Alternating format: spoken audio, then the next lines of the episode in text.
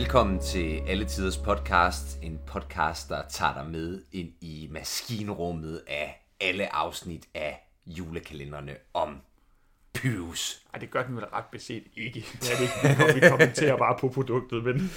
Okay, lad nu det være det. Men i hvert fald, jeg hedder Rasmus Borg Olsen, og Okay. jeg studerer film og medievidenskab. Og mit navn er Kasper Weber Enstrøm. I dag skal vi se på afsnittet Mask Pyrus. Det er afsnit nummer 11 i den øh, første serie, alle Tiders Jul fra 1994. Og afsnittet starter, som så ofte før, med at vi ser Gutenberg ødelægge nogle historiske papirer, denne gang i samarbejde med Freja. Ja, og altså, øh, hvad hedder det? Pius er jo øh, blevet inspireret af, hvad hedder det, forrige, forrige afsnit, hvor Valdemar havde frem, fremført et lille digt foran Freja. Så han øh, har altså været øh, ude i arkivet og skrive et lille digt. Valdemar øh, flirtede jo hæftigt med begge Valdemar, både Valdemar den Store og hans søn Ja. Valdemar Sejr, flirtede jo hæftigt med Freja, hvilket udløste voldsom jalousi hos Pyrus. Så nu vil han også gerne være sådan en, en, øh, en klassisk ridderlig romantiker. Ja, øh, men han har, han har skrevet et lille digt, og Kasper, jeg ved ikke, skal vi tage en linje hver? Ja, så tager vi øh, en, en versefod hver. Så, ja. Men altså, Pyrus siger, O morgenstund, så gyldenrød, Så sød, så blød, så risengrød, når du mit hjerte sidder der, med krøllet hår og kromater, der ved min skønne hjertens skær. at Pyrus er dig altid nær. Ja, og Gutenborgs kommentar er, jamen ser man, du er jo digter, eller et eller andet. Jo, men der, der kommer jo en faderlig øh, reaktion faktisk fra Ja. Gutenborg. Det er rart at se, synes jeg, at, øh, at de... Øh, ja, at han også er sød ved ham nogle gange. De er ikke, han er ikke nær så hånlig som Bertramsen. Nej, øh, og øh, Frejas reaktion er meget sådan grinende og Ja, hun bliver lidt, lidt fjalet. Ja, fjalet ja, omkring det. Altså, hun er også øh, glad for det. Men Gutenborg, han har planlagt et stramt program for dagen. Det her det er et af de gode afsnit, hvor øh, der er tidsrejse i det, og det, og det kommer prompte. De starter med det samme. Ja. Øh, han har besluttet, at de skal øh, møde en dronning i dag, og det, de fortsætter jo den kronologiske rejse igennem Danmarks historien. Så nu er vi oppe i 1200-tallet, hvor det er Margrethe Springhest, han gerne vil møde Erik Klippings mor. Ja, Pyrus tror jo, det er Margrethe den anden, altså vores nuværende dronning. Øh, han omtaler hende endda øh, som Daisy, hvilket jo er øh, Margrethe den andens, øh, hvad hedder det, kælenavn. Altså, øh, det vidner jo også lidt om, at altså, nisserne følger jo så meget med i, hvad der foregår i menneskets verden. Pyrus ved jo generelt ikke noget om altså sådan samfundet omkring ham, om øh, øh, ja, egentlig, altså om særlig meget andet end sin tegneserie, men alligevel så ved han, hvem menneskenes nuværende dronning er. Det er jo ikke engang hans dronning. Nej, men øh, sideløbende med det og på kontoret, så har Bertramsen jo fået et øh, brev fra selv samme Daisy. Øh, og hun er ellevild med første del af den rapport, hun ikke kan huske en skid om, hvad skal handle om. øh, men øh, Og hvis der, jeg vil sige, hvis der er nogen, der kan huske de danske juletraditioner, selvom de er blevet slettet, så er det Daisy. ja, ja så, må det, så må det være dronningen, men, men, men hun har jo glemt jul. Så, så, så, så, øh, så hun, øh, så hun det, ja, hvad fanden får hun egentlig i den rapport? Det bliver jo sådan en bes- Jamen det, det siger de jo, at det, det er lidt efter lidt. Hver gang de opdager en ny juletradition, så sender de den som en delrapport Jo, jo, til men, dronningen. men, det, men det må være en spændende tradition, så hver gang hun læser den, gud, hvad er det for en tradition, den har aldrig hørt om, den skal vi begynde at lave på slottet, Henri og jeg. Ja, men hun, øh, hun, altså, hun har også skrevet til ham personligt, at det er allerstørste vigtighed, den her Ja. rapport bliver lavet, så de kan holde en, en fest. Men jeg synes, det er, Øh. jeg synes faktisk, det er herligt at tænke på, at øh, de juletraditioner, hun indtil videre har fået, det er sådan nogle vikingeleje med sådan kaster med kævle og, og trækker ræb og slås. Kan lige se, kan lige se hende og Hende og hende og Henri sidder med kaster med kævle. prinserne og kaster med kævler og trækker i ræ men, øh, men, men altså, hun må jo være afsindig begejstret, for jeg, jeg, øh, jeg, jeg kan garantere, at der skal med meget til, før øh, dronningen begynder at sidde og håndskrive personlige breve, så hun vil være meget begejstret over de her delrapporter. Ja, Men altså, øh, det her øh, afstedkommer en øh, fake øh, hjerteslag fra Bertramsens side. Han, øh, han kører simpelthen øh, stadigvæk det her øh, psykiske tær på Josefine, og nu illuderer han simpelthen en, øh, et hjerteslag. Ja. Og, og, og, og, og øh, Brahe er meget bekymret for, om Bertramsen er ved at dø. Men, øh, men, men, men joken er, at, at, at, at han siger, at det går ondt i hjertet, øh, og fordi han kan mærke, at ridderkorset komme ud af knaphullet. Og så griner han håndligt. Ja, så, så bliver han lidt, lidt nederen omkring det.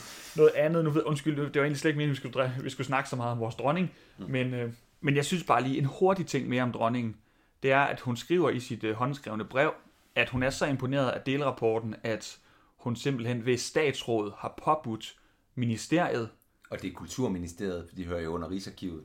det, Eller Rigsarkivet hører under Kulturministeriet. ja, ja, det må det så være, ja. Ja. Men, men der, hun har simpelthen påbudt det ministerie, at de skal hjælpe Bertramsen nu på hans videre færd med den her delrapport, så hun kan holde en, en god fest ja. den, øh, den 25.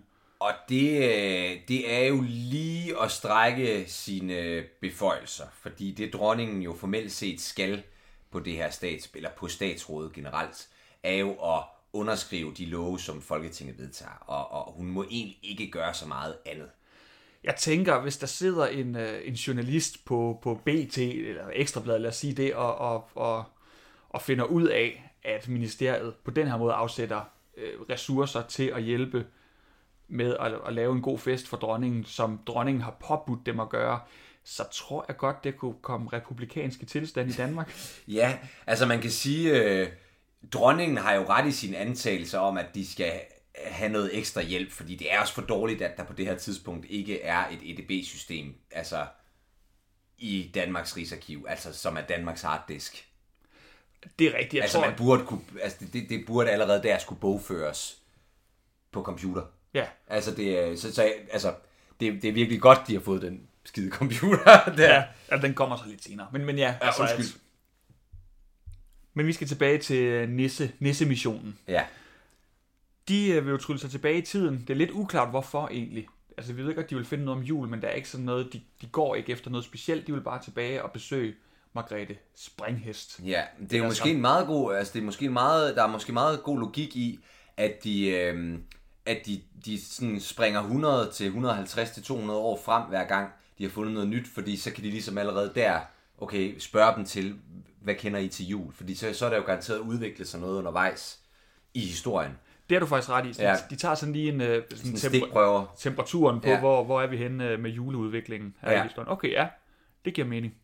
Men de tryller sig altså ind i historien, og de ender i et middelalderligt drengeværelse.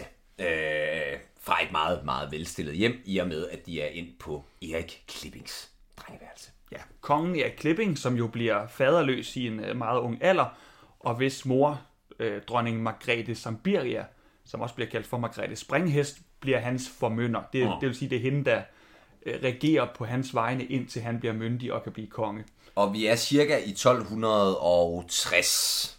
Ja, det, Ja. det giver nogle... Han er fra 11 eller fra 1249, så, og han er en 10-11 år gammel, så det, det er sådan cirka deromkring, hvor vi er. Øh, men altså, øh, de befinder sig på det her drengeværelse, og ind kommer Margrethe Spranghest som leder efter Erik. Og øh, Margrethe Springhest er jo spillet af, af hele Danmarks Gita, Gita Nørby. Ja. Øhm, Og hun er jo allerede her i 1994, altså der er ingen tvivl om, det er film- og teatrets grand old lady i Danmark. Altså det er Ingeborg Skjern. det, det er et kæmpe scoop generelt, ja. at de i løbet af altså i få afsnit har fået både Susse Vold øh, og Gita Nørby med. Det er virkelig, virkelig stærke navn. Ja, Ja. det, det må man sige. øh, Det kan være, at vi lige skal... Vi, vi gemmer måske ratingen af hende til lidt senere. Ja. Men, men det er i hvert fald det er en, en lettere, ilter og bestemt øhm, Gita Nørby, vi ser her, som, Ja. som vi jo kender hende også. hvad hedder det? Men, men, men Gita, hun kommer altså ind og leder efter Erik. Øhm, og Kasper, lad os bare lige øh, snakke lidt om bluescreenen her, fordi den er jo faktisk ret god. Den er ret god. Jeg, mm. jeg tror måske også, at det, bliver, det begynder at blive nemmere for dem nu, fordi de får noget lidt mere håndgribeligt at arbejde med. Ja. Husk de første, der snakker vi om, de var inde midt i en jættestue. Øh, at de var ved... Et, Trondholm Mose. Øh... Ja, sådan ude i nogle øh, moser, hvor der foregår noget bronze eller lidt. Øh, vi har haft... Øh, ja, de har været i, i gudernes verden. Altså hvor, steder, hvor det er svært at finde ud af, hvordan skal, man egentlig, hvordan skal det her se ud. Nu kommer vi lidt længere frem i tiden. Mm. Øh, man, man ved efterhånden godt, hvordan et, et borgerværelse ser ud. Ja. Så det, det er nok lidt nemmere for dem nu at lave en lidt mere retvisende green eller blue screen, Ja. i stedet for bare at være sådan lidt kunstnerisk omkring det. Der er ikke så meget tolkning i det her. Nej. Og det gør, at det bliver flottere, og det bliver bedre, og de rekvisitter, de kan bruge, der står nogle kister rundt omkring, der ligger noget tøj, altså der, der ved man lidt mere om, hvordan det skal se ud. Så det, øh, det begynder at se rigtig godt ud nu. Ja. Altså i forhold til, at vi taler 1994.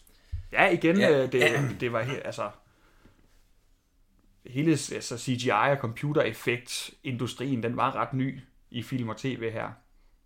Men altså, øh, hvad er det, missionen er, øh, hvad hedder det for nisserne her, når de møder Margrethe Springhest alias Gita Nørby?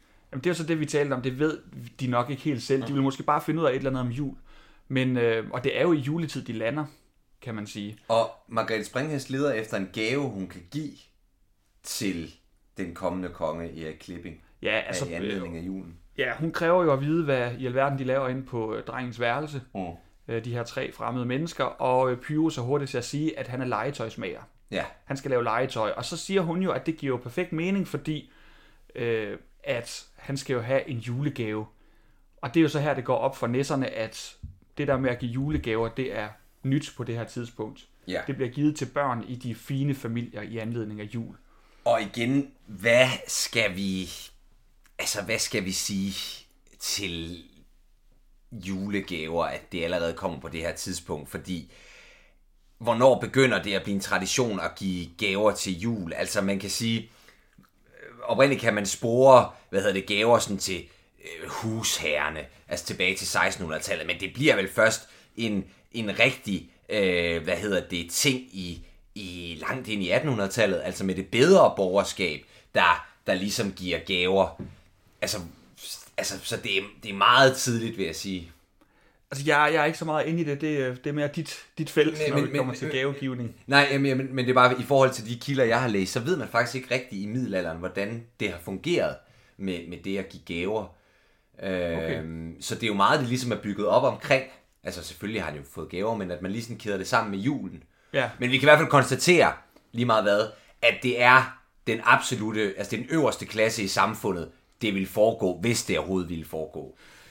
Nå, men, men, men, men hvor med alting er, Pyrus han foreslår en computer. Ja, han siger i hvert fald, i, nu, i nutiden, Ja. det vil sige 94, der vil et barn nok have ønsket sig en computer, og det ved Margrethe Springhest naturligvis ikke, hvad er.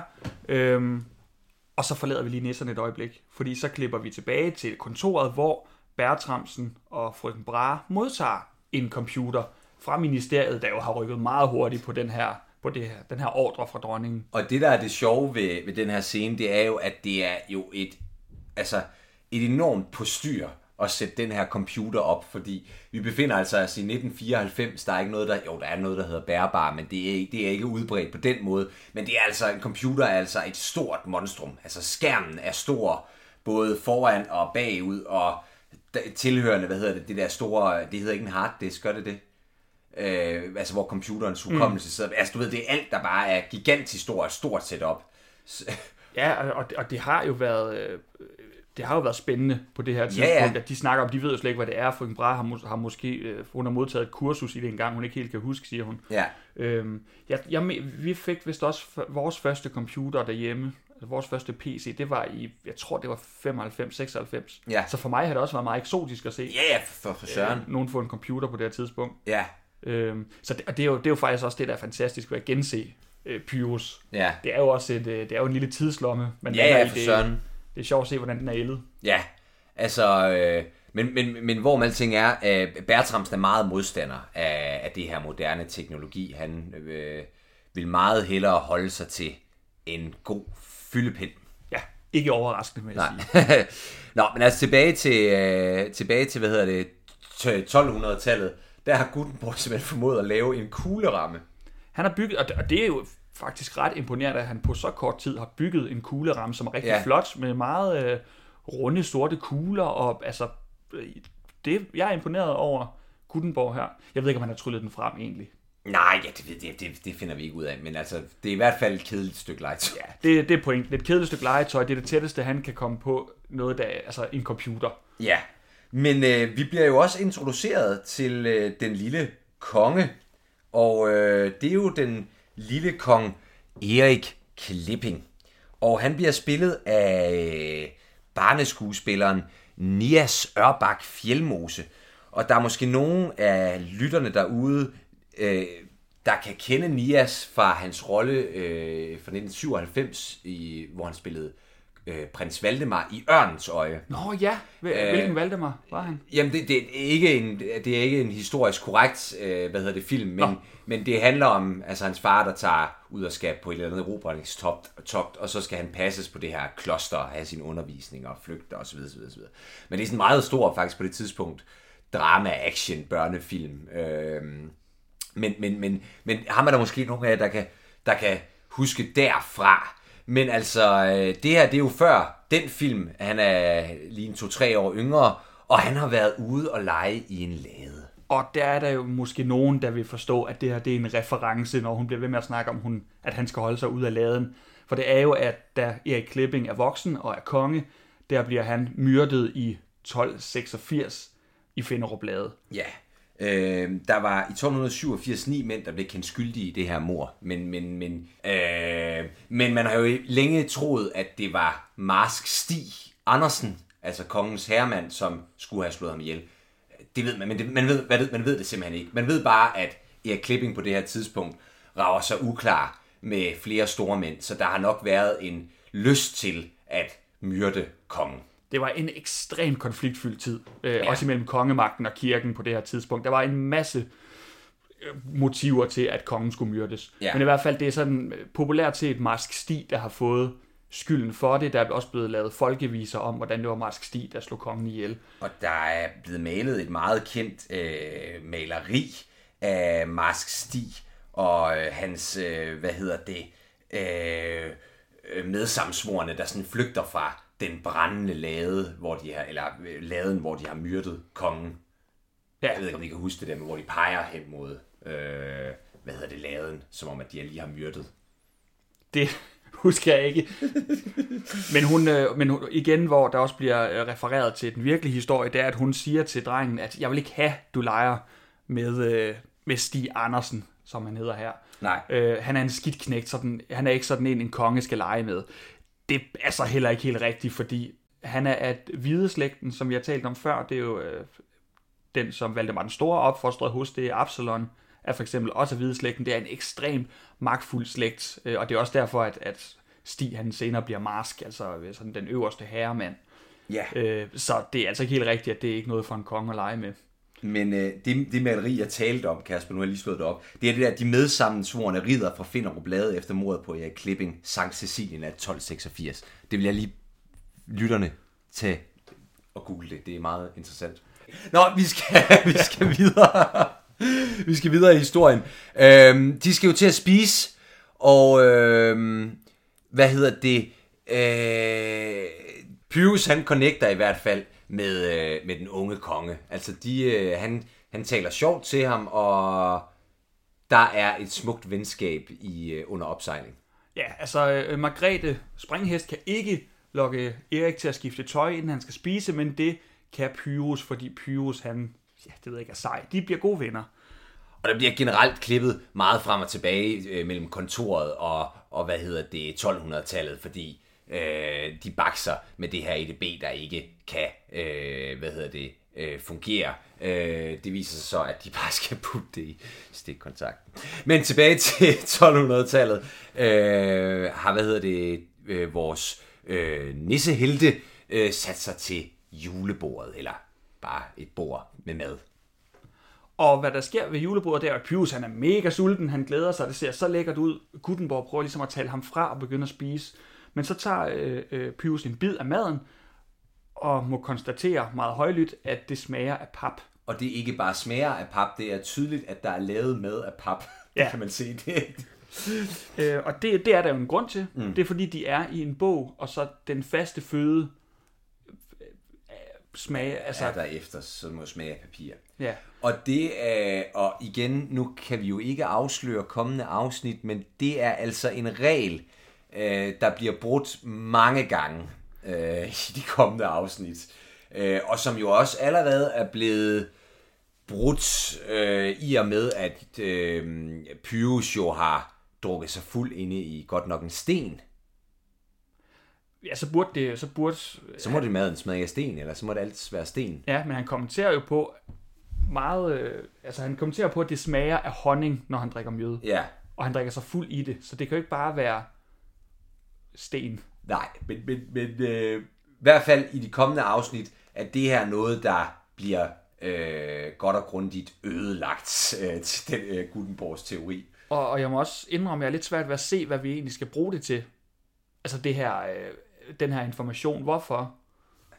Altså hvad, om det bare er lidt kød på benet, vi kan Jeg ved det ikke. for at skabe en større mytologi omkring det ikke, øh, men det er, men det, det, det er i hvert fald sløset igen, fordi at det jo øh, viser sig, at man sagtens kan spise ind i en bog øh, i de kommende afsnit. Men lad nu det være det.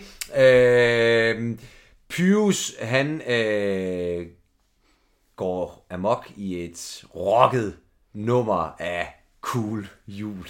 Der kommer en ny version af Cool Jul. Det er jo generelt en sang, der vi har set mange øh, koreografier til. Ja. Mange forskellige steder. Øhm, og nu, nu bliver den så spillet foran øh, Erik og Margrethe i 1200-tallet. Til, til stor fornøjelse for hele selskabet. Ja, og de har med garanti ikke på det her tidspunkt hørt øh, elgitar, men så det må også have været en helt banebrydende lyd for dem at høre. Det kan også være noget om. Ikke bare dyr, der spilles på. Men øh, tilbage til kontoret, øh, hvor øh, Bertramsen og øh, Josefine sidder og arbejder på hver deres skal man sige, arbejdsstation. Øh, Josefine sidder ved computeren, og Bertramsen øh, hvad hedder det, sidder ved øh, skrivebordet. Og øh, han bryder ud i sang. Og det er en ny sang, der hedder Giv dig tid.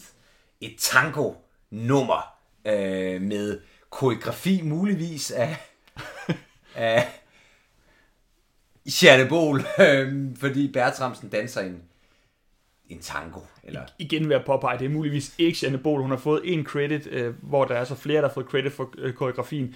Men ja, han, han, jeg tror også, han finder på noget selv, synes jeg, det ser ud til. ja, ja, men om, hvad man tænker, nummeret slutter med, at altså, nummeret handler ligesom om, at man skal, at, at, at, at, at folk de stresser og jager over, over alt muligt moderne, i stedet for bare at slappe af og have det rart. Og det er jo øh, i høj grad noget, som Bertramsen han efterlever i sit daglige liv. øh, hvad hedder det? Men, men også øh, forfriskende, synes jeg. Der har været et par nye sange, som ikke har været Mm. særlig imponerende. Og, og jeg kan også allerede afsløre nu, der kommer også et par sange snart, som heller ikke er imponerende. Nej. Øh, og, og det er rart med en ny sang, som den er...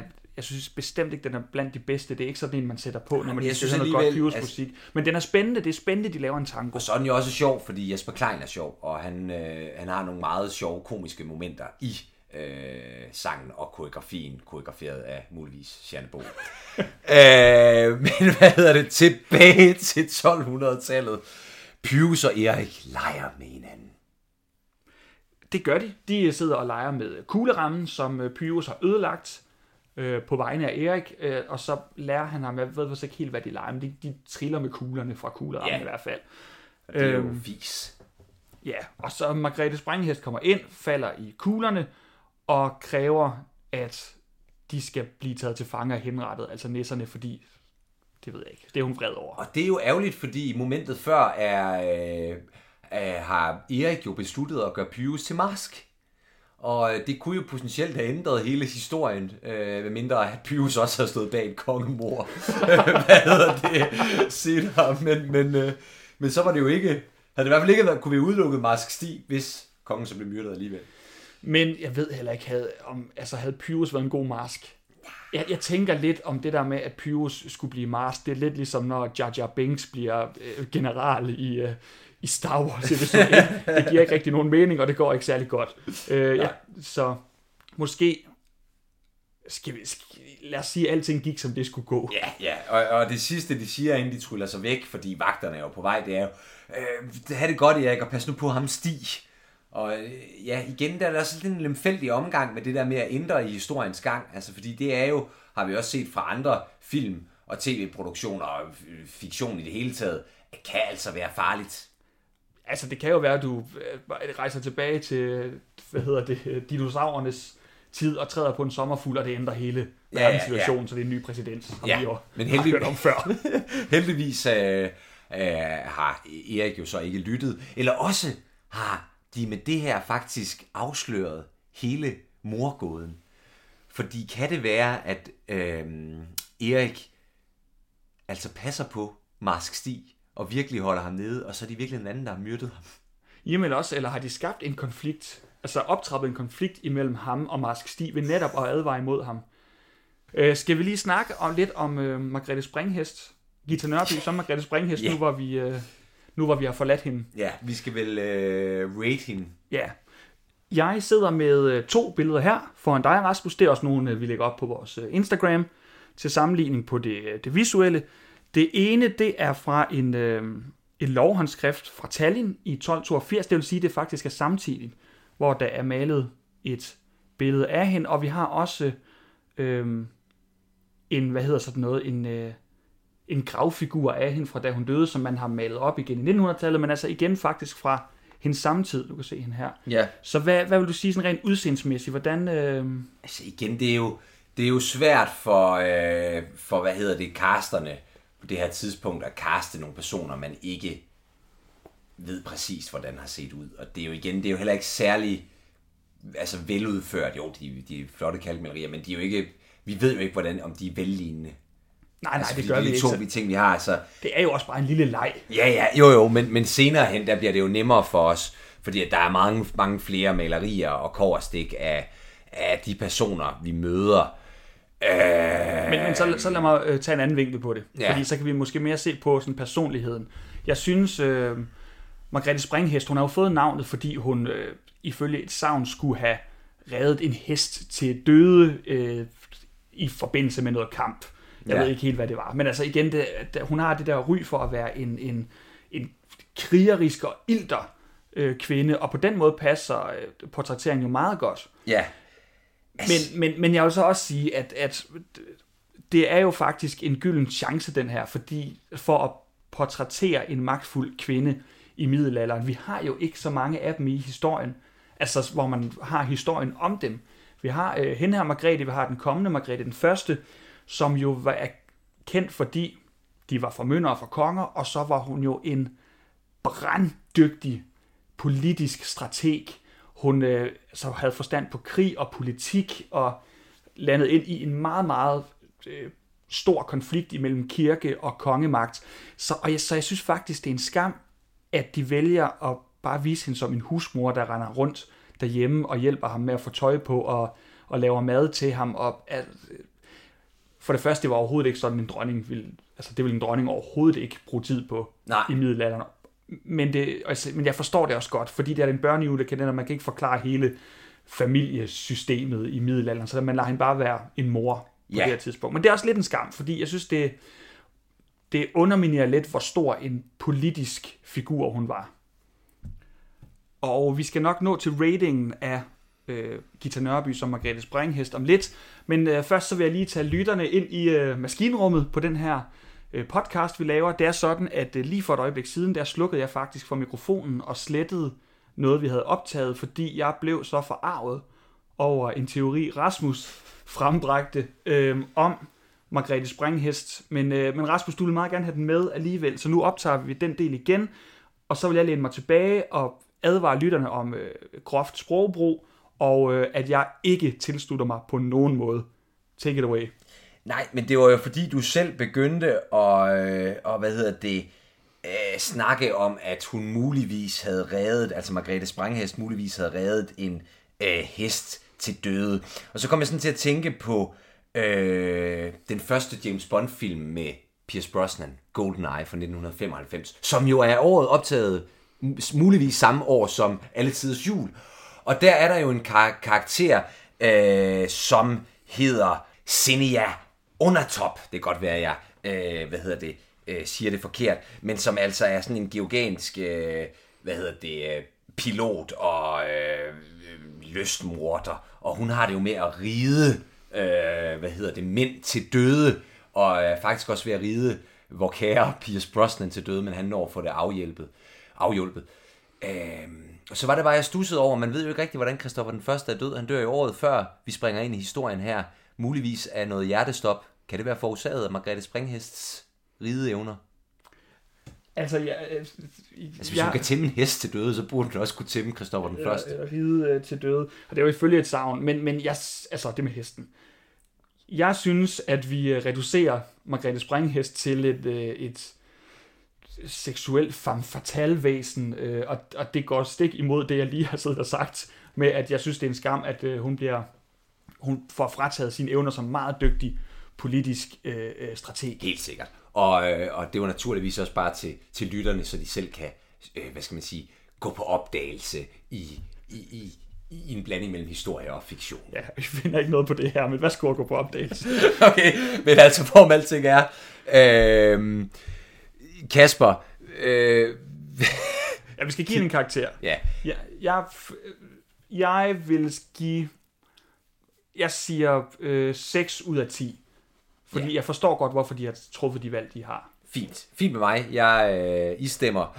Øh, og skal vi bare sige konklusion på det her afsnit. De har lært noget om julegaven, der muligvis bliver introduceret her i historien. Øhm... Men inden vi stopper, vi har jo også lige en lille clipping. Jeg ved godt, vi gør det hurtigt, fordi ja, ja. vi har billeder af ham som, som voksen, eller ja, senere afbildninger, men, men der sidder han jo med et stort overskæg, og vist også et fuldskæg, så hvad... Ja, vi kan ikke rigtig bruge det til noget, fordi det er en ung Erik Klipping. Der findes ikke nogen billeder af en ung Erik Klipping. Så hvad giver vi? Han, det, han virker som en passende kongesøn, og han er faktisk en rigtig, rigtig dygtig barneskuespiller. Og det kan jo være, at det er den her rolle, der har landet ham den store rolle som prins Valdemar i Ørnens Øje. Altså Nias Ørnbak.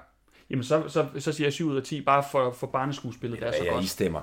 Og afsnittet slutter jo med øh, Bertramsen som en sen nattetime roder med computeren, og hvad laver han på den computer, Kasper?